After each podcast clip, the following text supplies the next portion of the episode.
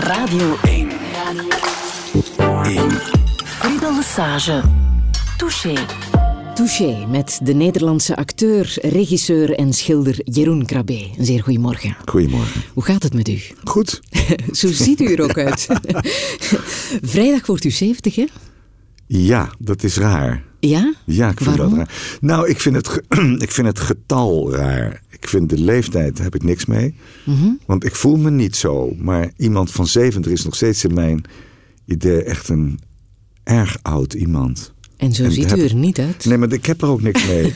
ik, ik, nee, want ik herinner me mijn, mijn oma vroeger.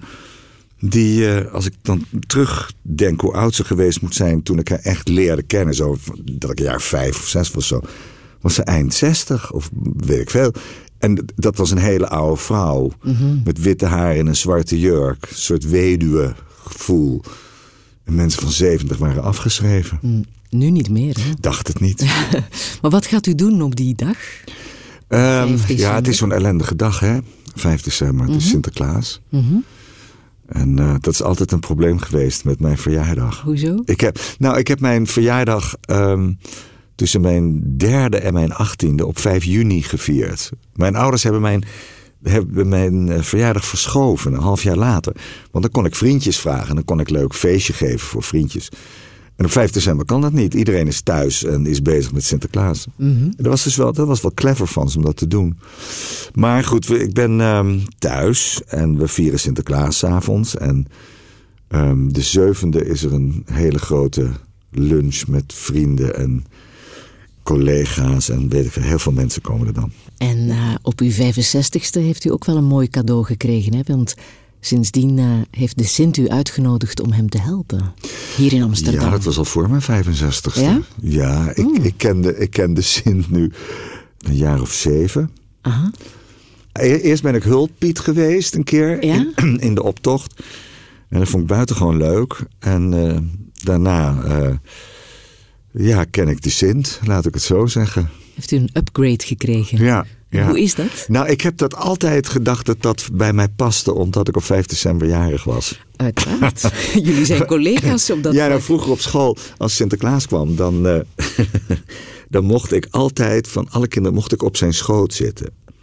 Want dan Ah, ja. zei ik, ik ben ook jarig op 5 december. En dat vond de Sint wel leuk. Ja, ja. Deze maand heb ik allemaal mensen te gast gehad in uh, Touché van uw generatie. Eh, Jan Mulder, die op het voetbalveld groot is geworden. Jeroen Brouwers in de literatuur. Hugo Kams in de journalistiek. Miet Smet in de politiek. En u in de film en de schilderkunst. Voelt u een band met uw generatie? Ik, ik denk dat dat de, de generatie is die. Er was niets. Iedereen was gelijk. Er waren geen rijke mensen. Ja, die waren er misschien wel, maar die kende niemand. De- er was een soort wederopbouw waarin iedereen het gelijk had. Je kwam niet bij een vriendje die iets anders had dan jij ook aan speelgoed had.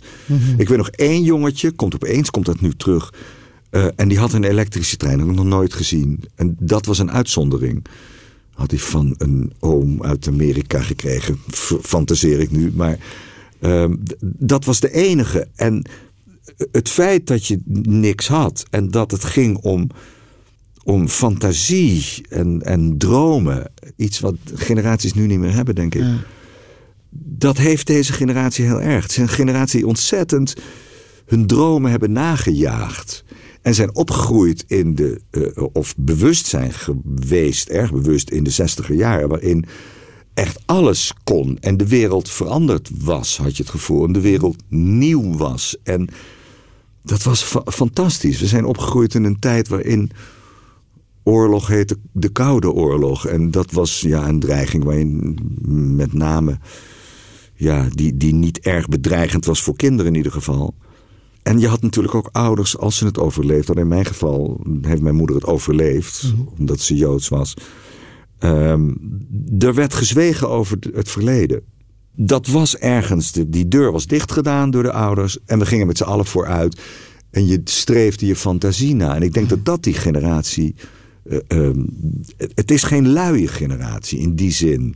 Dat je nu, als je nu denkt aan kinderen van die leeftijd.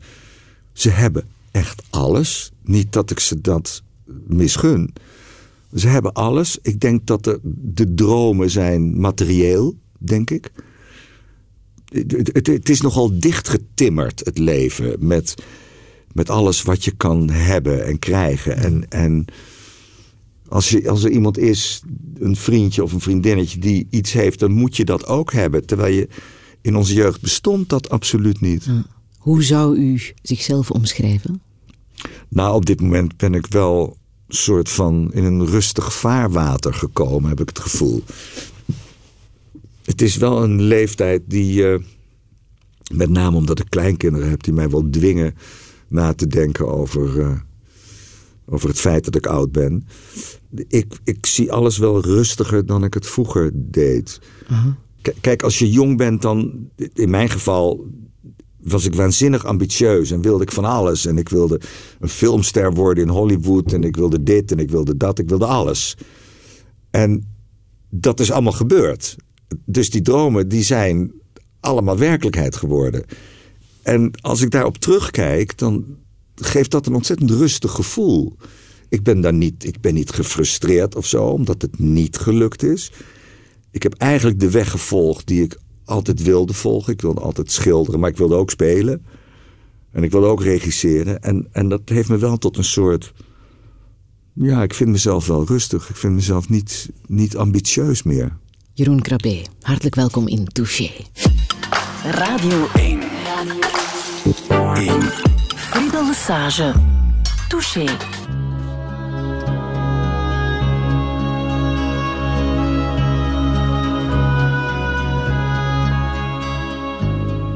Ik ben misschien te laat geboren. Of in een land met ander licht. Ik voel me altijd wat verloren, al toont de spiegel mijn gezicht. Ik ken de kroegen, kathedralen. Van Amsterdam tot aan Maastricht. Toch zal ik elke dag verdwalen, dat houdt de zaak in evenwicht.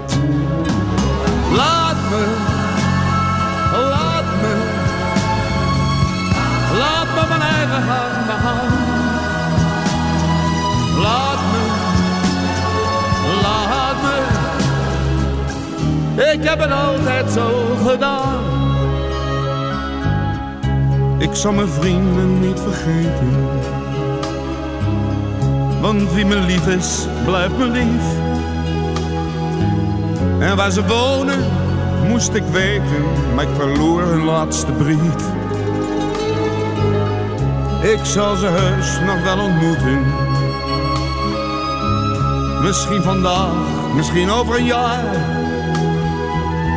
Ik zal ze kussen en begroeten, het komt vanzelf weer voor elkaar.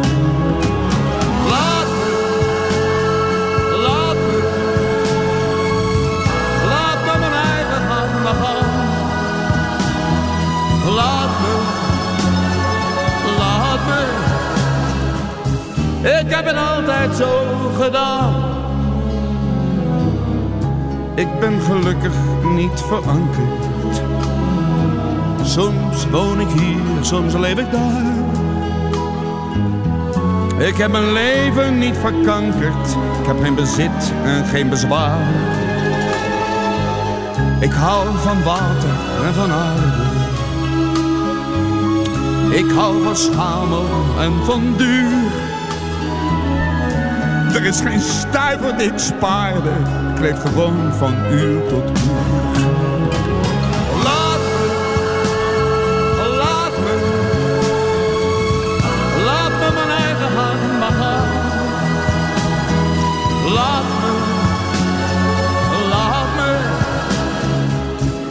Ik heb het altijd zo gedaan. Ik zal ook wel eens een keertje sterven daar kom ik echt niet onderuit. Ik laat mijn liedjes dan maar zwerven en verder zoek je er maar uit. Voorlopig blijf ik nog jou zingen. Jouw zwarte schaap, jouw trouwe fan. Ik blijf nog lang en liefst nog langer. En laat me blijven wie ik ben. Laat me, laat me, laat me mijn eigen hart. Laat me, laat me. Ik heb het altijd zo gedaan.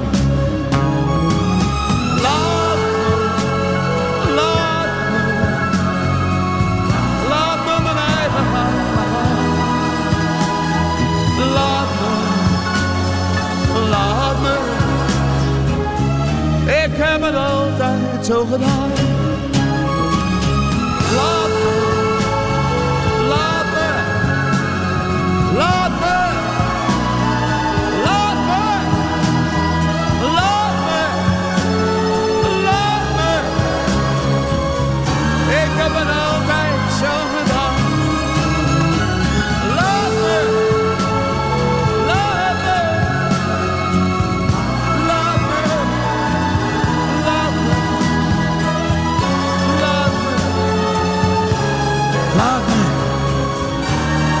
Heb het altijd zo gedaan.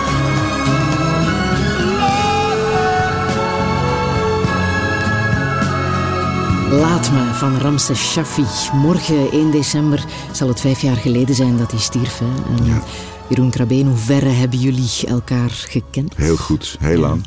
Ik ken hem vanaf mijn zestien ongeveer. Ja. En we zijn heel erg bevriend geraakt. En ehm, we hebben ook samen gespeeld. En de laatste jaren ehm, zat hij in, in een soort tehuis, laat ik het zo noemen. Daar heb ik hem ook veel opgezocht. Voor dat tehuis, toen dit lied voor het eerst uitkwam, wat we net hoorden. Toen zat ik in de auto. En ik heb de auto aan de kant gezet. Er bestonden nog geen mobiele telefoons, ze konden niet meteen bellen. Maar aan de kant gezet. En ik moest zo huilen. Ik was zo geraakt door dit lied en de manier waarop hij het zong. Dus ben ik naar een benzinestation gegaan en heb ik hem huilend opgebeld. Ik zei, ik vind het zo verschrikkelijk mooi wat je nu gemaakt hebt. Dus het lied, het lied heeft voor mij een enorme betekenis, enorm. Ten eerste omdat ik erin hoor zijn, zijn ongelooflijke uh, uh, drive en positiviteit. Want hij zingt over zichzelf. Het is een prachtige vertaling. En hij zingt over zichzelf. En hij heeft het altijd zo. Hij heeft het niet alleen zo gedaan. Maar hij was ook iemand die. We hebben meerdere keer meegemaakt. Die letterlijk dan zei: Laat me. En kwaad wegliep of zo. Dat, dat, dat hij. Je kon hem niet vastpakken. Dat liet, hij zich, dat liet niet toe. Je kon heel goed bevriend met hem zijn. Mm-hmm. Maar als het niet beviel, dan, uh, dan uh, zei hij ook letterlijk: Laat me. Donder op. En dan liep hij weg. En het is wel iemand die ik ongekend bewonderd heb. Mm. Ongelooflijk, ongelooflijk. Mm. Daar zit ook iets van uw eigen levensmotto in, hè? Het, uh... Jawel, ja. Dum vivimus vivamus. Ja, ja. ja dat kreeg ik mee. Dat is een uh, Latijnse spreuk. En die kreeg ik mee op mijn geboortekaart van mijn ouders. En dat betekent? betekent uh, laat ons leven zolang we leven. Met andere woorden, laat, laat mij, maar. laat mij nou maar leven. En ga jij je leven ook maar doen. En is dat bij u gelukt? Laat me leven ja. zolang we leven? Ja. Mm-hmm. ja. Ja, je moet concessies doen in het leven. Je moet soms dingen doen waar je absoluut geen zin in hebt, maar die moet je doen. En met name in het begin van mijn carrière ook, dat ik echt vaak dingen aan heb genomen. Omdat ik geld, ik moest geld hebben. Ik had een gezin toen nog met twee kinderen, later met drie. En ik wist soms niet hoe ik het draaiende moest houden. Mm-hmm. En dan ga je dingen doen en denk je, ah leuk, dat ga ik wel doen. Nee, ik deed het alleen omdat ik het geld nodig had. En dat, dat zijn dingen, dat zijn concessies. Ik, ik kon dat niet anders doen dan zo. Laten we eens even naar uh, dat jaar van dat geboortekaartje gaan. Hè? Ja, 44. 44, de ja. hongerwinter van 5 december, ja. 44. Wat hebben ze u ooit verteld over uw eigen geboorte? Hoe dat is gegaan? Nou, het was zo dat mijn broer, die um, 13 april 43 is geboren, was een hele, hele zware bevalling. Waarbij mijn moeder op de rand van de dood heeft gelegen. Het was een verschrikkelijke bevalling. Uh, ook dus midden in de oorlog. En er mochten alleen um, Joodse artsen helpen. Maar er waren natuurlijk geen, niet veel Joodse artsen meer in die tijd. Maar goed, die is, die is ter wereld gekomen en dat is allemaal goed gegaan uiteindelijk. En toen ik kwam, toen was ik dus een soort medische indicatie. Want ze kon niet nog een keertje zo'n bevalling hebben. En dus was al alles in gereedheid om naar het ziekenhuis te gaan. Maar dat hoefde niet. Het, het was, mijn vader zei altijd, het was helemaal, de zon scheen op 5 december. Het was een mooie uh, dag. Maar het idiote was dat je, als je terugdenkt... hoe haal je het in je hoofd om... Terwijl mijn moeders hele familie al was weggehaald. En mijn moeder kon nog blijven in Amsterdam... omdat ze getrouwd, gemengd gehuwd was. Getrouwd met een niet-Jood. En toen mijn broer geboren werd, toen was het al zo dat gemengd gehuwden zonder kinderen weg moesten, moesten naar Westerbork. En je kon had een keuze. Je had een keuze en dat was of sterilisatie of weg. Alsof dat een keuze is. Als je geen kinderen had. Als je een kind had, en dat was dus mijn broer die geboren werd, dan mocht je nog blijven. Dus in wezen is dat de beschermerling van mijn, de beschermer van mijn moeder geworden. Toen ik geboren werd in de hongerwinter was het heel tricky. Omdat je denkt, ja, mensen met gemengd gehuwden met kinderen moesten ook weg. Althans dan de, het Joodse gedeelte daarvan. En dat je dan nog een kind neemt, dat heb ik eigenlijk nooit begrepen. Het is een wonder dat u er bent. Dat is een wonder, ja. Dat is een wonder. En ik weet wel dat... Um, ik werd dus geboren, er was dus niks te eten en er was geen warmtebron of zo. Het was echt verschrikkelijk. En um, de zuster van mijn vader, mijn tante, die woonde in Zaandam. En um, die had een apotheek. En omdat ze een apotheek had, had ze beschikking over bijvoorbeeld meel of ze kon suiker krijgen. Ze kon dit. En toen heeft ze één ton poes laten bakken door een bakker, omdat ze daar de spullen voor kon krijgen. En dat was, uh, daar werd mijn geboorte mee. het één ton poes. maar het is zo'n verhaal, wat, weet je, want dat gaat dan de familie door. En dat is dan, uh, zo zie ik dus mijn geboorte. En mijn vader heeft een tekening van mij gemaakt toen ik net geboren was. Een scharminkel. je denkt, jeetje, ligt iemand bij de vuilnis. Echt, echt verschrikkelijk. Echt, nou, een ondervoed, een zwaar ondervoed kind. Want mijn moeder had natuurlijk tijdens de, tijdens de zwangerschap niet kunnen eten wat ze had moeten eten. Of kunnen drinken wat ze had moeten drinken. En uh, nou, dat is, het is zo'n idiote tekening. Ik, ik, kijk er niet vaak naar, want ik vind het verschrikkelijk. Wat voor jongetje was u? Ik, ik was een enorm speels kind. Leren kon ik niet. Ik vond het verschrikkelijk op school. Ik kon eigenlijk niks. En mijn broer kon alles.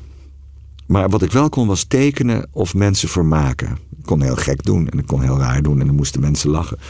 En ik kon tekenen. En wat nou zo uniek is dat alle tekeningen die ik gemaakt heb vanaf mijn eerste zijn allemaal bewaard gebleven. Mijn vader heeft op alle tekeningen achterop of voorop geschreven, wanneer ik het gemaakt heb, wat ik erover gezegd heb. En soms zelfs de uren en de, de minuten erbij. Dan zie je een hele serie tekeningen, zes tekeningen, staat er 10 uur 29, of het volgende staat dan 10 uur 40 enzovoort. En die zijn allemaal bewaard gebleven. Allemaal. En in die tekeningen zie je ongebreidelde fantasie van dat kind. En wat nou zo raar was toen ik die tekeningen weer vond, ik heb twee volle dozen. Echt goud is dat. Toen herkende ik een aantal van die tekeningen. Ja. En die zijn dus 65 jaar oud. En ik herkende sommige. dacht verdomd, ja, dat weet ik nog. Moet je nagaan hoe, hoe gefocust ik geweest ben toen ik dat maakte. En wat het betekend heeft toen ik het maakte. Daar zaten kleine Picasso's tussen, hè? Daar zaten prachtige tekeningen ah. tussen. Prachtig. En mijn vader was een... door, door Cobra zelfs. Ja, dat, nou, dat komt ook toen ik vier was. Toen was die grote Cobra tentoonstelling in het Stedelijk Museum. Die, die tentoonstelling die alles op losse schroeven heeft gezet ah. in kunstenland in Nederland. Daar heeft mijn vader me mee naartoe genomen aan de hand. Maar mijn vader was een enorme bewonderaar. En van Picasso, maar ook van Cobra. En ik denk dat dat een invloed op mij gehad heeft. Hoewel je het ook kan zeggen dat kindertekeningen invloed hebben gehad op Cobra. Dat het andersom ook geldt. Kijk, een van de meest belangrijke dingen die je zou moeten kunnen bewaren... en wat heel erg moeilijk is...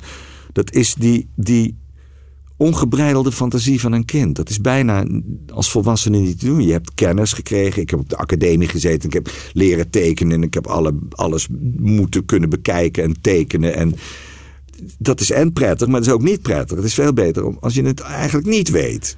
Ja. Picasso heeft op het eind van zijn leven gezegd: Ik heb mijn hele leven erover gedaan om zo te kunnen tekenen als een kind. Dat is een enorme waarheid. Dat betekent, ik ben onaangetast. Ik ben onaangetast als volwassene. Nou ja, dat is, Ramses was onaangetast.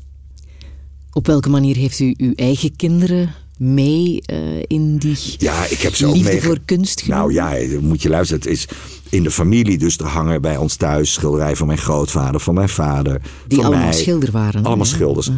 en um, ik nam de kinderen mee in het museum. Dat werd mij niet in dank afgenomen.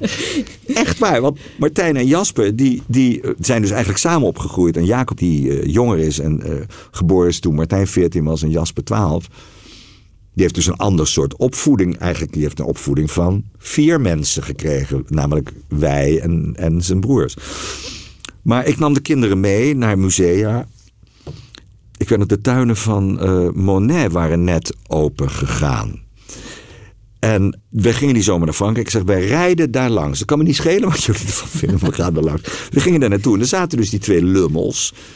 Die zaten met zo'n Walkman in hun oren. Of op hun hoofd.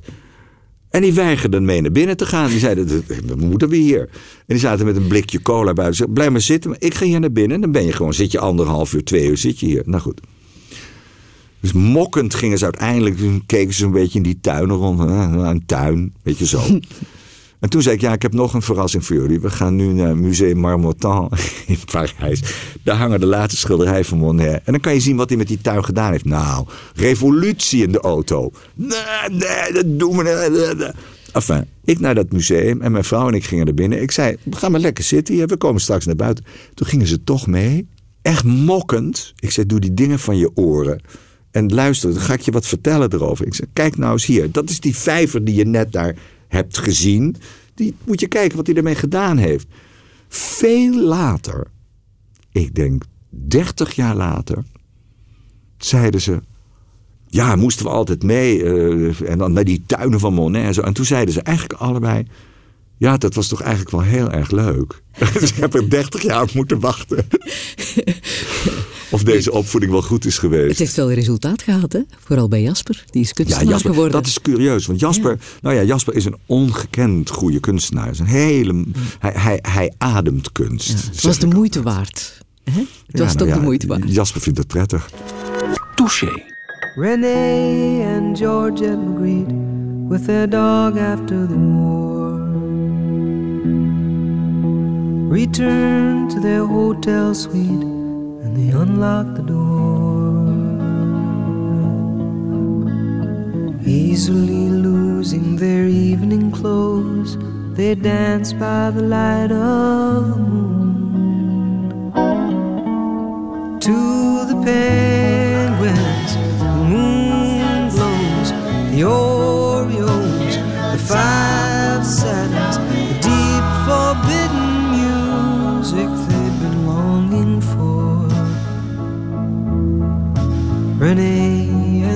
Georgette agreed with their dog after the war.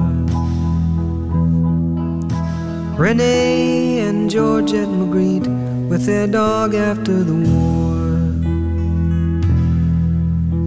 Were strolling down Christopher Street when they stopped in a men's store.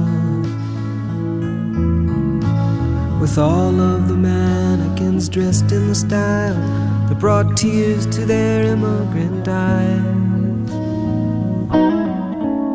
Just like the penguins, the moon glows, the Oreos, the five satins, the easy stream of laughter flowing through the air. Renee and George and Magritte with their dog guerre. Side by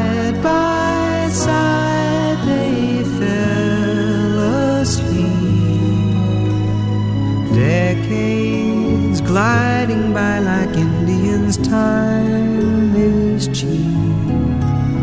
When they wake up, they will find all their personal belongings have intertwined.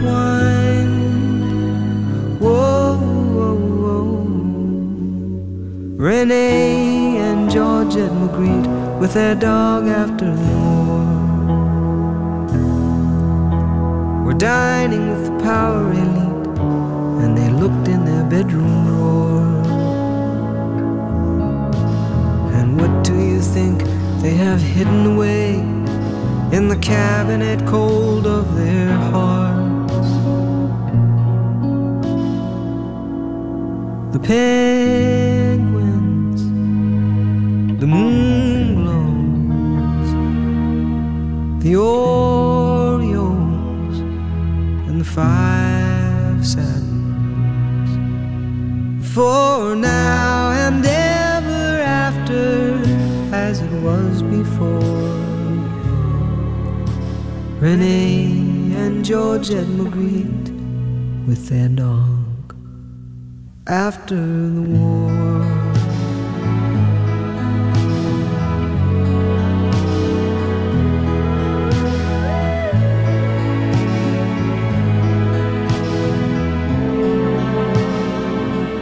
Paul Simon bezingt René Magritte en zijn vrouw Georgette uh, With Their Dog After the War. Jeroen Krabbe, Ja. zou, zou u een Magritte in huis willen? Nou, of ik het in huis zou willen hebben, ik zou het wel. Ik zou er trots op zijn als ik het zou hebben. Maar ik zou het onmiddellijk aan een museum geven. In permanente bruikleen zoiets. Want ik vind dat dat soort schilderijen eh, van hele belangrijke kunstenaars... die horen niet aan privéwanden. Want dat heb je alleen maar uit ijdelheid aan je muur, vind ik. Maar u kent wel mensen die een Magritte hebben. Ja, ja, ja, ja, ja. Ik ken, nou, ik ken mensen die heel veel dingen aan de muur hebben hangen. Je houdt niet echt van kunst als je dat voor jezelf houdt, vind ik. Ik vind dat dat voor de gemeenschap moet zijn. En als je dat in je- een kluis stopt. Dan... Ja, nou ja, dat is de, die Japanner die de zonnebloemen van Van Gogh heeft gekocht... in een kluis heeft gestopt thuis en bepaald heeft... dat hij eh, gecremeerd wenst te worden met het schilderij. En ik vind dat een, een regering eh, in, erin moet springen en moet zeggen... dat gebeurt niet, dat, is, dat mag niet gebeuren. En ik weet niet hoe je dat tegen kan houden als het een testament is. Maar dat is dus gebeurd met jullie schilderij van Ensor. Eh, een van de mooiste schilderijen die ooit in België zijn voortgekomen. De intocht van Christus in Brussel. En ik loop door het Getty Museum in L.A. en ik zie dat daar hangen. En toen dacht ik, oh ja, dat is eh, even te leen. Nee, het is verkocht aan het Getty Museum. En dat vind ik een zo'n diepe schande. Stel je voor dat wij de nachtwacht zouden verkopen. Stel je voor dat iemand zegt, nou weet je wat, je krijgt een miljard. Hè? Of nog meer, weet ik veel. Wil ik het hebben. En daarom is er een wet in Nederland dat dat soort dingen nationaal erfgoed zijn en in het land moeten blijven. Al is het privé. Dus het mag niet verkocht worden, het mag het land niet uit. Dat vind ik een ontzettend goede wet. Ik ben blij dat u het zegt. Nee, ik was er echt kwaad. Ik was er echt kwaad over. Want ik was net eh, eh, een maand geleden in Oostende. En was toen weer in het Ensorhuis, wat ik zo'n ontzettend leuk museum vind. En toen, werd, toen heb ik die man gesproken die daar staat. Toen heb ik dit weer voorgelegd. Toen zei hij, ah wel, hè, het is verkocht, het is verkocht in Amerika. Ik zei, oh, godverdomme, wat is dat voor flauwe kul, zeg. Mag niet. Dat schilderij had gewoon in Antwerpen moeten hangen. Of in. Oostende. Of in ze een Oostende. museum moeten nou ja, wat dan verbouwen. ook. Maar het Ja. is Belgisch kunstbezit. Ja. Jeroen Krabbe, u vertelde zo net dat u eh, voorbestemd was, was om schilder te worden, maar toch bent u op uw zeventiende naar de toneelschool getrokken. Ja. Waarom? Nou ja, het was. Kijk, ik bleek dus dat tekentalent te hebben. En dat werd enorm gestimuleerd door mijn vader. Het was zelfs zo dat die tekeningen toen ik vier was, of drie of vier of vijf was. Die bekeek hij en die prikte hij aan de muur. En die besprak hij met me. Alsof het dus kunst was die hij die, die die belangrijk vond. Dus dat was voor mij normaal. En daarom waren die tekeningen voor mij ook. Ja, nou, dat kon ik. En dat, ik werd ook echt voorbestemd om, om de derde generatie schilder te worden. Mijn moeder was filmvertaalster. En die zag tussen de twee en vier films per week. En die vertaalde uit wel zeven talen. Dus ze zag van alles. En ehm, omdat er geen geld was voor een kinderoppas, ging ik heel vaak mee. En dan zat ik in zo'n zaal, een beetje zo groot als hier, eh, zo'n heel klein bioscoopzaaltje. En dan zat mijn moeder achter een tafeltje met een lampje. En dan zat ze eh, met de, de lijst mee te kijken eh, naar de handelingen van de acteurs. Want soms dan zegt iemand iets in een lijst, dan kan je niet, weet je niet waar het over gaat. Dus ik heb heel veel films gezien in mijn jeugd. En allemaal in talen die ik niet begreep. toen dacht ik wel altijd, dat wil ik. Ik wil op, op dat doek, ik wil op dat filmdoek staan. Ik, ik voelde ook dat je dan een leven kon leiden buiten het echte leven om. Een veel leuker leven. Maar daarvoor moest u wel eerst even via het toneel. Het uh, uh, was helemaal geen film. In, de, ja, in de zestiger jaren. Her en der is een film. Ja. De een nog erger dan de ander. Eigenlijk tot Paul Verhoeven zich manifesteerde. En toen opeens was er echt film. In Toen is het gelukt, hè? Met En toen is het gelukt soldaat van Soldaat, Oranje, De Vierde Vlucht, ja. Ehm, en daarna werd u ook internationaal gevraagd. Ja. Ah. Wat betekende dat voor u, die erkenning krijgen internationaal? In hoeverre heeft Ja. dat uw leven bepaald? Het was iets wat ik dus vanaf mijn prilste jeugd wilde. Ik wilde ook, het woord Hollywood was voor mij het Walhalla. Dacht, nou ja, als je daar ooit komt, niet dat ik dacht dat ik er ooit zou komen, maar ik wilde daar zo graag komen. En ik weet nog, de allereerste film die ik daar maakte was een televisieserie. En die heette World War III. En het was met Rock Hudson. En Rock Hudson was ook een van mijn jeugdhelden. Die in die films met Doris Day. En opeens sta ik oog in oog met die man. En ik, ik was echt, ik, ik trilde. Gewoon van het feit dat die cirkel rond was. Dat het me gelukt was.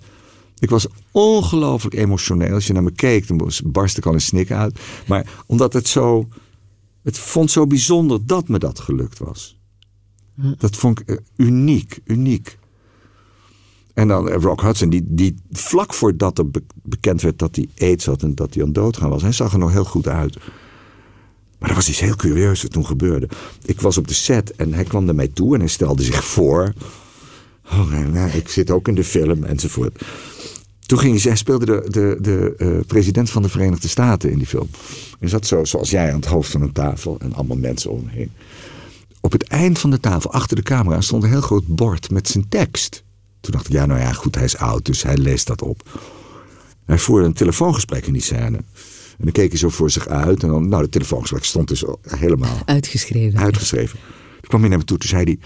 Ja, eh, eh, je denkt misschien dat ik mijn tekst niet ken.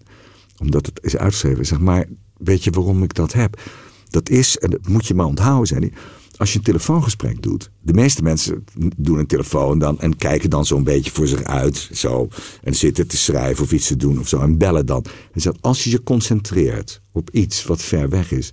dan is het veel meer een echt telefoongesprek. En hij moest dat dus lezen, daarom deed hij dat. Dus als je zo zit en je zit dan tegelijkertijd zo te kijken, dan hoor, zie je dat iemand luistert. Het is een truc die zo uniek is. En ik heb hem altijd toegepast. Ja? Niet dat ik mijn tekst dan opschrijf, maar ik weet dat als je je verderop, als je je daar concentreert en je zit zo te praten in een telefoon, dan is het alsof je ontzettend goed luistert. Terwijl je je concentreert op een totaal ander punt. Kan je dat voorstellen? James Bond bent u nooit geworden. Vond Nee, nee, jammer? nee. Ja, daar was heel even sprake van. Pierce Brosnan die zou het gaan doen. En die kon niet weg. Die zat in een serie die heette Remington Steel. En ik was al aangenomen voor, voor de slechterik. En toen werd het uitgesteld. Omdat Pierce Brosnan moesten we twee maanden op wachten. Of drie maanden, weet niet eens meer. En in die tussentijd zochten ze naar een andere bond. Want ze dachten, ja, misschien komt, werd, wordt hij helemaal niet eh, eh, vrijgelaten van die serie. Uiteindelijk zijn ze met Timothy Dalton gekomen. Maar toen zei mijn agent tegen mij... zou jij er niks voor voelen om da- daar een test voor te doen? Nee, alsjeblieft zeg.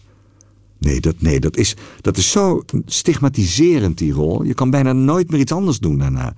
Het is eigenlijk liever, niemand gelukt meer... om iets anders te doen dan dat karakter van Bond. Liever de slechterik dan. Ja, dat is veel leuker. Ja? Ja, dat is ook Waarom? veel leuker. Waarom? Nou ja, dat, daar zit body in. En dat zijn mensen die onverwachte dingen doen. Bond doet altijd hetzelfde. en de een doet het anders dan de ander. Oké. En Daniel Craig nu is een ongelooflijk goede Bond. Maar dat is Bond. En Bond gaat het overleven. En eh, tuurlijk, Bond die heeft allemaal moeilijk. Kuifje overleeft ook altijd. Nou oké. Maar het is veel leuker om... Jansen en Jansen te spelen. Nee hoor. Maar het is veel leuker om... eh, een slechterik te spelen is enig. En naar het schijnt staat het ook wel goed als je een rol weigert in Hollywood. Als je zegt, nee, dat wil ik niet doen. Nou, ik heb wel, ik heb wel dingen geweigerd. Het is wel een fout geweest van me. Ik heb een aantal films geweigerd die. En daar heb ik geen enkele spijt van. eh, Waar ik een soort slechterik ook in een. in een vreselijke film en oh god, en een treinkaping en allemaal onzin. Dacht ik, ja zeg, dan ga ik mijn huis niet vooruit. Vind ik onzin. Maar ik heb een keer een film, wat een klassieker is geworden. The Cook, The Wife, The Thief and The Lover. Daar was ik voor gevraagd. En ik was, had net drie films achter elkaar gedaan. En toen werd ik gevraagd of ik daarin wilde. En toen las ik, dacht ik, ja, ja, ja. En mijn agent zei, moet je luisteren, er is helemaal geen geld. En, en het is meer uh, liefdewerk, oud papier. En, en, maar het, is wel, het wordt wel een goede film, denk ik. En ik was zo moe, ik zei, nee, nee, ik doe het niet. Dat, heb, daar heb ik spijt van. Mhm. Dat is jammer. Wij hebben daar nu ook een acteur rondlopen, hè? Matthias Schoenaerts. Ja, die is goed. Ik heb zijn vader heel goed gekend, Mhm. natuurlijk, Julien. Oh. Ja, welke welke raad goed. zou, zou u Matthias meegeven? Nou, ik denk dat hij mij eerder raad kan geven. Nee, ja. Geloof nooit wat iemand zegt. Je moet het nooit geloven. Je moet nooit denken dat het doorgaat. Je moet, nooit, je moet niet al je, je, je, je, je kapitaal zetten op één idee. Laat iedereen lult je eh, de hemel in en ze zijn je vergeten als ze hun rug naar je toe draaien. Dat heb ik wel geleerd. Er werden mij twee, twee- achter elkaar twee films aangeboden. Pretty Woman en daarna Internal Affairs. En ik kwam de studio binnen eh, om met die mensen te praten voor Pretty Woman. En ze hadden een nieuw meisje hadden ze gevonden. Julia Roberts. En ik kwam die studio binnen en er zitten een aantal mensen achter een tafel. En die springen op als ze me zien. Ze daar, op jou hebben we gewacht. Wa- wa." Ik keek nog achter me. Ik dacht, ze hebben het over een ander. Maar ze hadden het over mij. Wat fantastisch. We hebben een nieuw meisje en we willen graag eh, dat je met dat test. En, en eh, voor de hoofdrol, die mannelijke hoofdrol. En ik ging helemaal opgewekt en blij ging ik weg. Ik was nog niet bij mijn agent binnen eh, een uur later. En die zei, oh nee, maar dat gaat Richard Gere doen. Zo. Dat zijn hele normale dingen in L.A. Eén keer heb ik iets geweigerd en dat heb ik gedaan omdat ik het niet wilde. Het was heel prestigieus. Ze deden een serie over de Tweede Wereldoorlog, Winds of War. Met allemaal goede mensen. En ze boden mij aan om de commandant van Auschwitz daarin te spelen. En toen dacht ik, dat kan ik niet. Dat kan ik niet. Ik kan het emotioneel niet aan. Om daar naartoe te gaan als een acteur in een verwarmde trailer op, op die grond daar. Of buiten dat kamp te gaan zitten en te draaien in Auschwitz. Ik dacht, dat, dat kan ik niet. Maar ze wilden me heel graag. En daar ging het niet om. De prijs ging hoger en hoger. Ik, ik verdiende met, met het minuut verdiende ik meer als ik het zou doen. Maar daar ging het me niet om. En toen ben ik dat gaan uitleggen aan die mensen. Er zaten vier, vijf mensen achter die tafel. En ik dacht alleen maar, ik moet niet gaan huilen. Want dat, dat, dat, dat gun ik ze niet. Ze, ze keken me aan alsof ik krankzinnig was geworden. Want het was een fantastische career move. Ik dacht, ja, maar ik wil geen career move. Ik kan daar niet naartoe. Mijn hele familie is daar uitgemoord. Als ik daar naartoe ga, doe ik het voor mezelf. Ga ik niet als een Amerikaanse filmster daar zitten. Dat heb ik geweigerd. En die mensen hebben dat niet begrepen. Ik heb het ze niet kunnen uitleggen. Ik kon niet uitleggen waarom.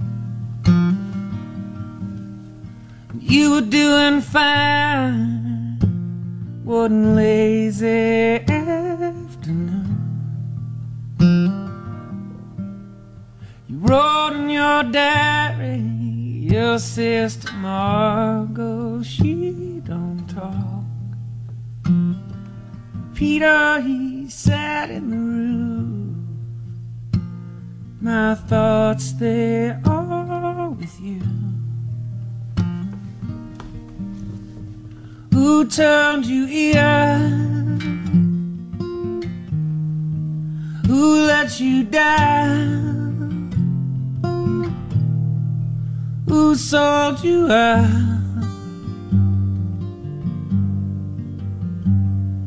The Green Police or the Dutch NSB? Oh, why? You was a beautiful child.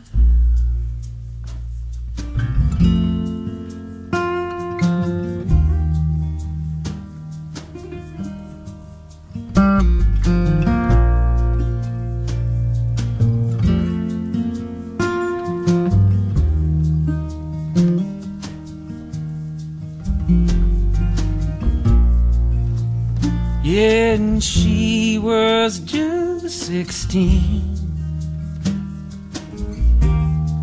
And barely a girl. And she'd watch the leaves go green through the cracks in an old windowsill. What the hell did those people do? Yeah, how could they sleep once they lay their eyes on you? Who told you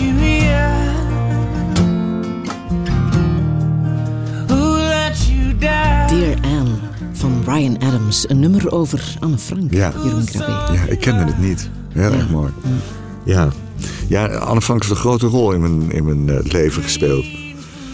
Ik, ik heb het eh, stuk gespeeld met eh, Jip Wijngaard als Anne. Adembenemend mooie Anne.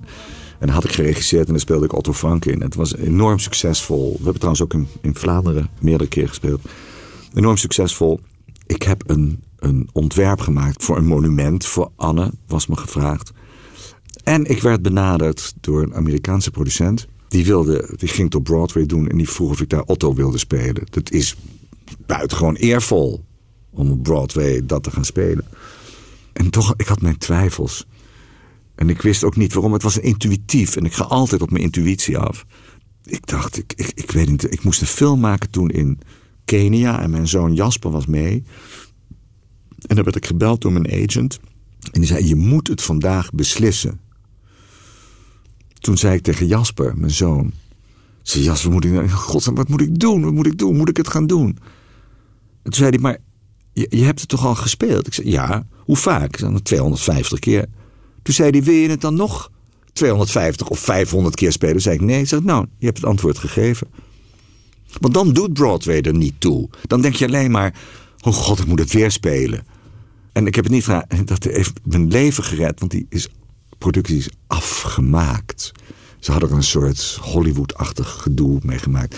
En omdat ik het geregisseerd had en er zoveel van weet...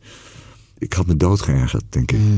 U vertelde zo net al dat, eh, dat u Joodse was hè, en dat haar vader, eh, Abraham Reis, ehm, gestorven is eh, In Sobibor. tijdens de Tweede Wereldoorlog. Wat weet u van dat verhaal? Heel veel. Het werd alleen vroeger niet verteld. Ehm, er stonden natuurlijk gewoon wel foto's van mensen thuis. waarvan ik wist, daar moet ik niet over vragen. Dat voel je als kind. Toen mijn moeder gestorven was. ehm, ze had mij ooit een album gegeven. Wat ze, zelf, wat ze gemaakt had over haar vader. En daar had ze allemaal dingen in geschreven. En, en eh, feiten over zijn leven en zo. En dat had ik tot mijn eigen schande. En ik begrijp later ook wel waarom. Had ik niet ingekeken. Zei, dankjewel, oh fijn. En in een laag gestopt. Omdat ik dacht, ik wil het ook eigenlijk niet weten. Maar dat is dan niet aardig ten opzichte van haar. Dus ik zei, ja, ik heb het bekeken enzovoort. Dat had ik niet gedaan. En toen was mijn moeder dood. En toen, ik heb heel lang gedacht, ik moet iets doen met die geschiedenis. Ik moet er iets mee doen. Goed, ik heb dus Dagboek van Anne Frank op, op het toneel gebracht. Ik heb in Antwerpen heb ik gedraaid Left Luggage over de orthodoxe joden. Dus ik was altijd met het onderwerp wel bezig. En toen was ik in, ik was in Auschwitz, want daar moest ik voor mijn eigen film, De Ontdekking van de Hemel, moest ik draaien. Dus daar moest ik naartoe. En stond ik daar helemaal in mijn eentje op dat vreselijke terrein daar. De dag voor kerst. En er was dus niemand. Het was alleen maar sneeuw. En, en ik stond er dacht ik, ik moet nu iets ermee doen. Ik moet gaan schilderen. Dan heb ik, duurde heel lang, maar toen heb ik een aantal hele kleine schetsjes gemaakt. En dat is het verhaal geworden over mijn grootvader. En toen ben ik naar dat album teruggegaan in die la. Dat heb ik geopend. En daar stond precies in wat ik allemaal moest weten. Waar die vandaan kwam. eh, hoe die is opgevoed. zijn familie. Het feit dat hij heel intelligent was. En eigenlijk zijn, En, en de religie is ons tegen. En zijn milieu is ons tegen. En uiteindelijk uh, diamantair is geworden. En een man in bonus. En die elke zomer ging mijn moeder naar Oostende met de, met de familie gingen ze heel rijk in een auto vanuit Amsterdam naar Oostende met dienstmeisjes en zo. Dus ze heeft, mijn moeder heeft de, de jeugd van een prinses gehad in Oostende. In 1929 met de verloor mijn grootvader van de een op de andere dag al zijn geld. Want hij had zijn aandelen belegd in Amerikaanse maatschappijen. En alle Amerikaanse maatschappijen gingen in één dag ging alles failliet. Iedereen en alles. Dus hij was straatarm. En toen kwam de oorlog. Uh, tien jaar later. En uh, dat was dus iemand die geen geld meer had. Had een oogziekte gekregen door de spanning. En alles, alles stond in dat boek. Ze zijn verhuisd en uiteindelijk gedeporteerd en vermoord. Eh, op precies zo oud als ik nu ben trouwens. Toen ben ik dat gaan visualiseren. Ik ben zijn leven gaan visualiseren. En ik heb een serie schilderijen gemaakt, hele grote schilderijen. De ondergang van Abraham Reis. En ik wilde het per se zo noemen, want ik dacht zijn naam moet terug. Mensen moeten die naam weer uitspreken. Want dan is hij er nog. Zo'n gevoel had ik erover. Anders verdwijnen. Wie is niet verdwenen in, in de Holocaust? Maar dan verdwijnt dat. Dan, is dat. dan heeft dat geen body meer.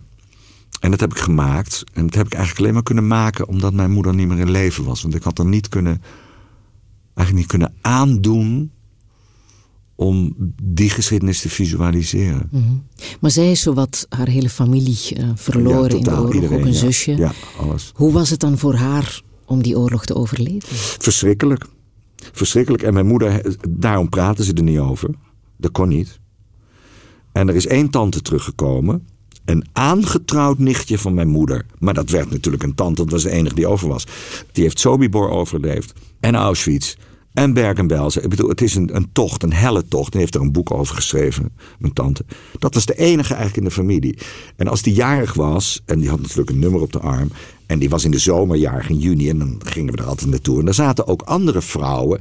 Waarvan ik zag, als ze een kopje koffie pakten of een kopje thee. dat die ook een nummer op hun arm hadden. En dan zei mijn tante wel, ja, het zijn mijn kampzusjes. En dat waren drie Hollandse vrouwen die het met haar hadden overleefd. Dus dat waren de aanwijzingen. En soms zei mijn tante wel, ik, heb veel meegemaakt. En toen las ik haar boek toen ik 16 was. Nou, ik, ik kan niet eens beschrijven nu.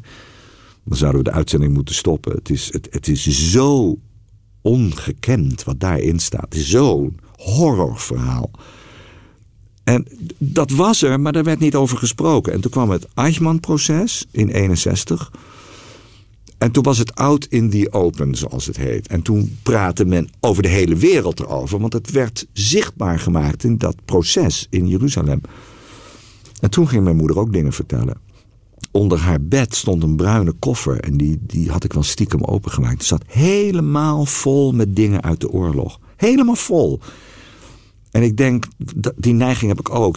Nare dingen, daarvan denk ik, nou, dat wordt geschiedenis op een dag. Dat gaat wel voorbij. En zo heeft mijn moeder, denk ik, die, terwijl het gebeurde, die geschiedenis in een koffer gepropt. Zo van, het gebeurt wel, maar het wordt geschiedenis. We gaan, ik kom er doorheen. Zo'n gevoel. Maar er was een hele correspondentie. Uh, uh, echt dozen. Die heb ik later allemaal doorgenomen. Dus van haar met haar zusje, die heel lang in Westerbork heeft gezeten, uiteindelijk ook gedeporteerd en vermoord is. En die schreef, er was een brief bij uit Westerbork van haar zusje naar mijn moeder. Dat hun vader die dag gearriveerd was in Westerbork. En wat ze, wat ze met mijn, uh, haar vader, dus mijn grootvader, wat die zei, wat hij deed. En hoe ze hem op, geholpen heeft op de trein. En wat ze hem heeft meegegeven en zo. En toen ik die schilderijen zat, toen ik die maakte, toen had ik al dat materiaal om me heen. Ik kan je zeggen, ik werd met de minuut depressiever. Ik, ik had niemand verteld waar ik mee bezig was, maar ik was niet meer te benaderen. Ik kon niet meer slapen. Ik was, ik was in die schilderijen gekropen. En ik heb ook, en dat is wel handig, dat ik ook acteur ben, want ik heb hem dus gevolgd op zijn tocht naar zijn dood. En op een gegeven moment moet ik, dan komt hij aan op een schilderij in Westerbork. Dan gaan de deuren van de trein open. En toen dacht ik, wat, wat, wat doet hij? Hoe staat hij? Wat, wat denkt hij? En dat heb ik voor mezelf in mijn atelier geacteerd. gaat open. Opeens is er weer licht. Dus je, je wendt je af. Je kijkt om. En, en dat heb ik helemaal gespeeld eerst. Een hele dag lang. En tekeningen gemaakt en zo. Dus ik ben in de huid van die man gekropen. Om, het, om te voelen ja, wat er gebeurd is. Waarin gelooft u? Nou, niet in God. Hoe kan je ehm na Auschwitz geloven in een God? Niemand kan me daar een antwoord op geven. Er is een waanzinnig mooie film. Die zou je eens moeten zien. En die heet God on Trial. En dat is echt gebeurd. Er zijn een aantal rabbijnen geweest in Auschwitz. En die hebben God ter verantwoording geroepen. In Auschwitz, in de barak. En ze hebben een echte rechtszaak gehouden. Met een verdediger en een aanklager. En God is schuldig bevonden. Het is een waanzinnig, het is verfilmd. Het is een toneelstuk, maar het is echt gebeurd. Het is zo waanzinnig. En als je dat ziet, denk je, ja, oké, tuurlijk.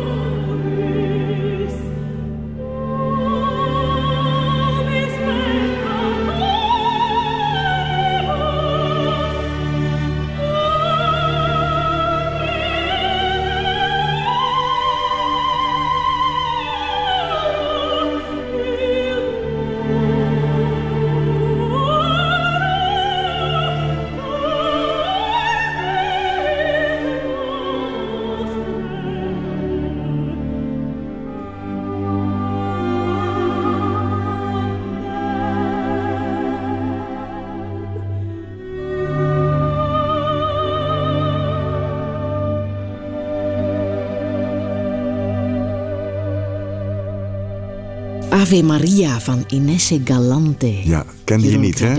Je wou het heel graag laten horen, waarom? Ach, het is zo ontzettend mooi.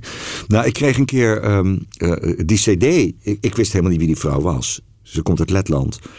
En ehm, dat draaide ik en ik hoorde dit nummer. Ik was verkocht, omdat het, die stem is zo ontzettend mooi. En toen heb ik in het programma van Rick Velderhof... had ik de cd bij me. We zaten in een villa in Zwitserland of zo. Toen heb ik het opgezet. Het was in het programma, werd dat getoond. De omroep is plat gebeld door mensen. Ze zeiden, wie is dit? Die vrouw is daardoor zo beroemd geworden. Dat is een ster geworden in Nederland. Toen kwam de volgende cd, dat, die heeft ze mij aangeboden. En het is echt een, een wereldstem, die vrouw. En ze is verpleegster geweest en ontdekte dat ze kon zingen. En dat ze met haar stem mensen kon helpen en omarmen en troosten. Ze zei, ik wil mensen troosten met mijn stem. En dat is precies wat ze hierin doet. En dan kiest u ook voor Ave Maria. Ja, dat is omdat ze dat toevallig zingt.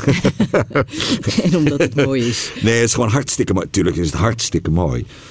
Maar ik, ik heb mijn, mijn gedachten gaan niet verder dan dat ik het heel mooi gezongen vind. Ze had ik weet niet wat kunnen zingen, bij, wij, bij wijze van spreken. En ik benijd mensen met, met eh, geloof. Want in verschrikkelijke momenten als een kind sterft of iemand gaat dood... En, dan hebben ze troost in hun geloof. En dan denk ik altijd, oh, ik wou dat ik dat had. Ik wou dat ik iemand anders kon aanroepen om mij te troosten. Maar helaas is dat niet zo in mijn gedachten. Jeroen Krabbe, zometeen na het nieuws praten we verder. Radio 1. 1. Friedel Lesage. Touché. Touché met acteur, regisseur en schilder Jeroen Krabbe. Hij groeide op tussen schildersezels en verfborstels en was voorbestemd om de Nederlandse Picasso te worden. Maar zijn drang om geliefd te worden, een drang die hij overhield aan het Joodse oorlogsverleden van zijn moeder, trok hem het podium op. Als beginnend acteur werd hij weggehoond. Pas toen hij op het witte doek verscheen, werd hij gerespecteerd. De internationale filmaanbiedingen stroomden binnen. James Bond is hij nooit geworden, zonder spijt, maar hij was wel heel vaak de slechterik, de noodzakelijke bijrol waar Hollywood graag Europese karakteracteurs voor inschakelt. Zijn talenten heeft hij netjes verdeeld onder zijn drie zonen en vrijdag, op Sinterklaasdag in Nederland, wordt hij 70. Is hij trots, mild of streng voor zichzelf? Dit is Touché met Jeroen Krabbe. Een zeer goede middag.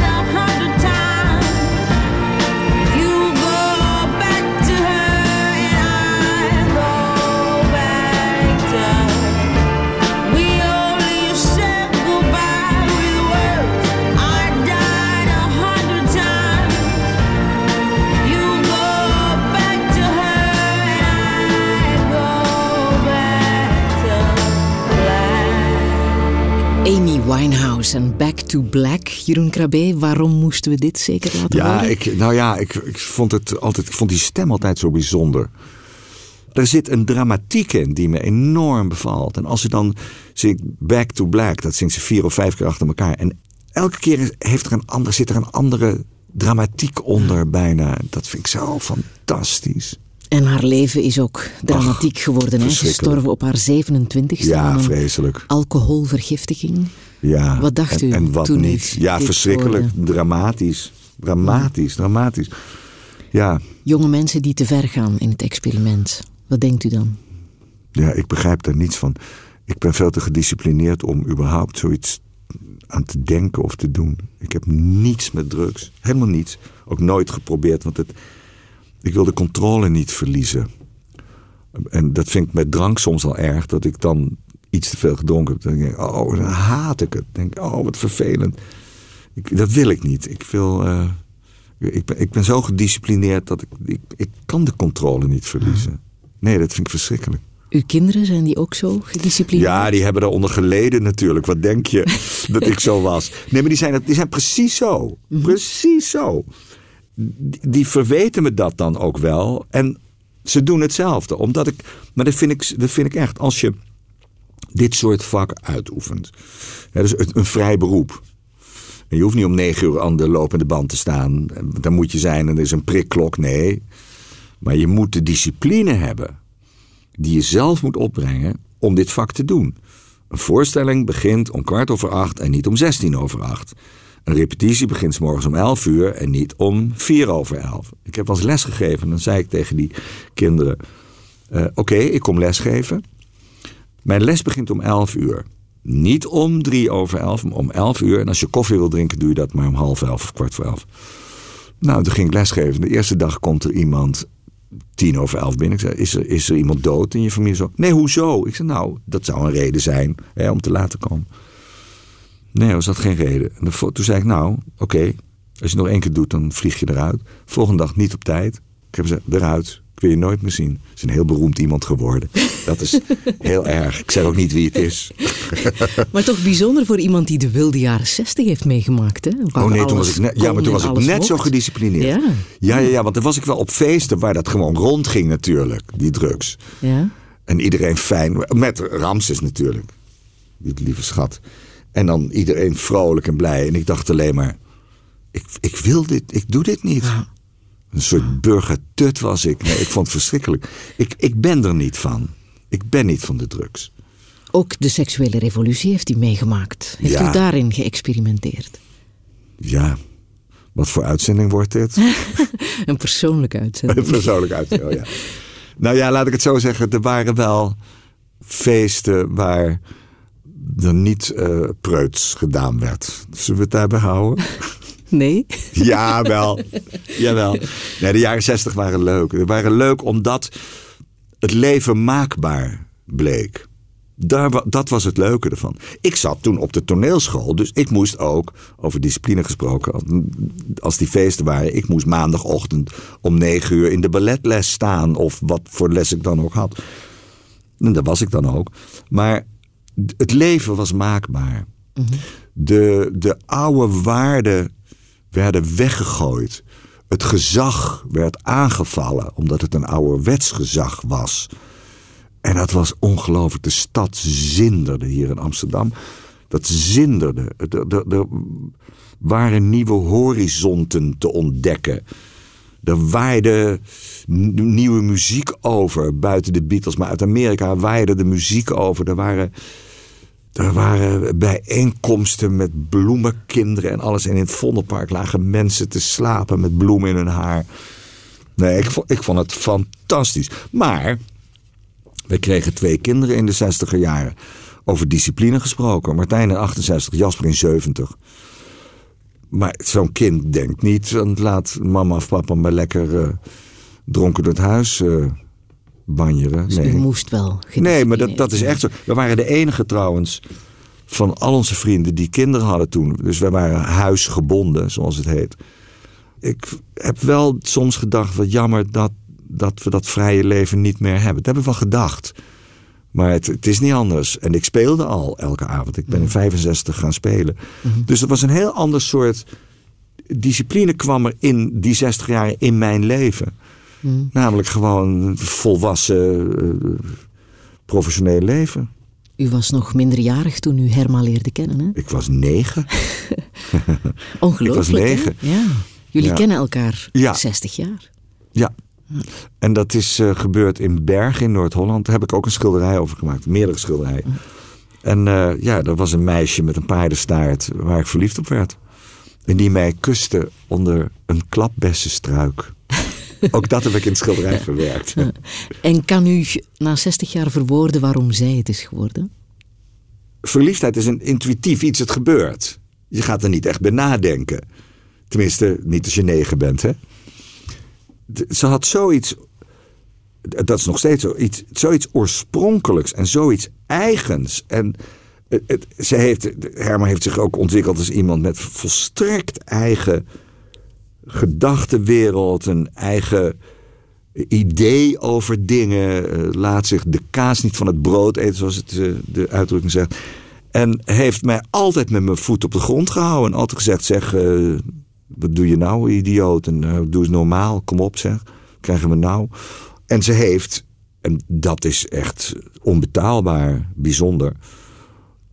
Toen ik dus carrière begon te maken en we hadden die twee kleine kinderen. Ik deed film, ik deed televisie. Ik was echt bijna nooit thuis. En toen heeft ze de beroep, ze is maatschappelijk werker, heeft ze opgegeven. Ze zei, ja, ik moet gewoon thuis zijn voor de kinderen. Dat heeft ze gedaan, tot en met de dag van vandaag. Want nu hebben we dus kleinkinderen. Dat is heel bijzonder. En toen dus die buitenlandse carrière begon... toen hadden we net een kleinkind, dat was Jacob. Die is geboren in 82. En toen begon net mijn buitenlandse carrière. Toen heeft ze precies hetzelfde weer gedaan. Toen hadden we dus ook twee pubers. Nou, mind you. Dat was ook geen makkelijke tijd. En ik ging nu niet weg om te spelen in Leeuwarden of in Maastricht. Ik ging weg om, om maanden in Amerika te zijn of in Afrika of wat dan ook. Dus toen werd het eigenlijk moeilijker.